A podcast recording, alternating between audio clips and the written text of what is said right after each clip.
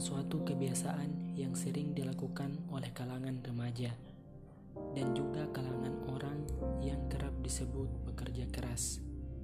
Meski dengan dalih mengerjakan urusan pekerjaan, tapi tahukah Anda, ternyata begadang dapat mendatangkan sejumlah bahaya bagi kesehatan.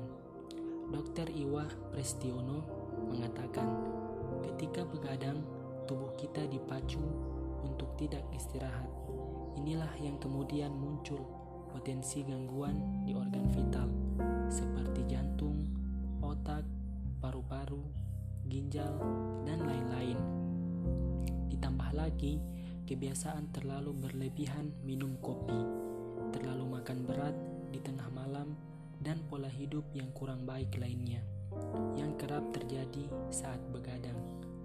Akibatnya, aktivitas di pagi hari jadi terganggu, seperti pagi-pagi sudah mulai mengantuk, kurang bersemangat, badan terasa lelah, pikiran pun kadang tidak fokus, bahkan sangat mungkin mudah menjadi pelupa karena fungsi otak kurang fresh.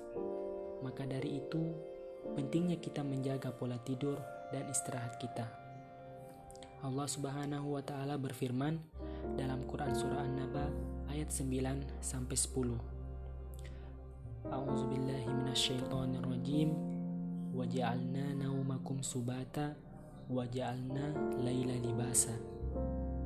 Dan kami jadikan tidurmu untuk istirahat dan kami jadikan malam sebagai pakaian.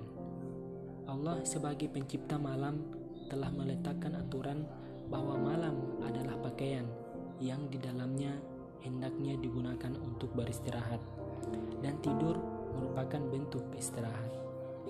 Jadi, ingat ya, tubuh butuh istirahat agar ketika bangun pagi menjadi semangat dan otak kembali fresh sehingga bisa berpikir jernih kembali.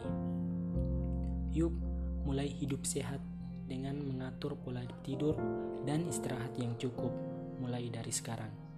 Cintailah dirimu karena kamu berharga.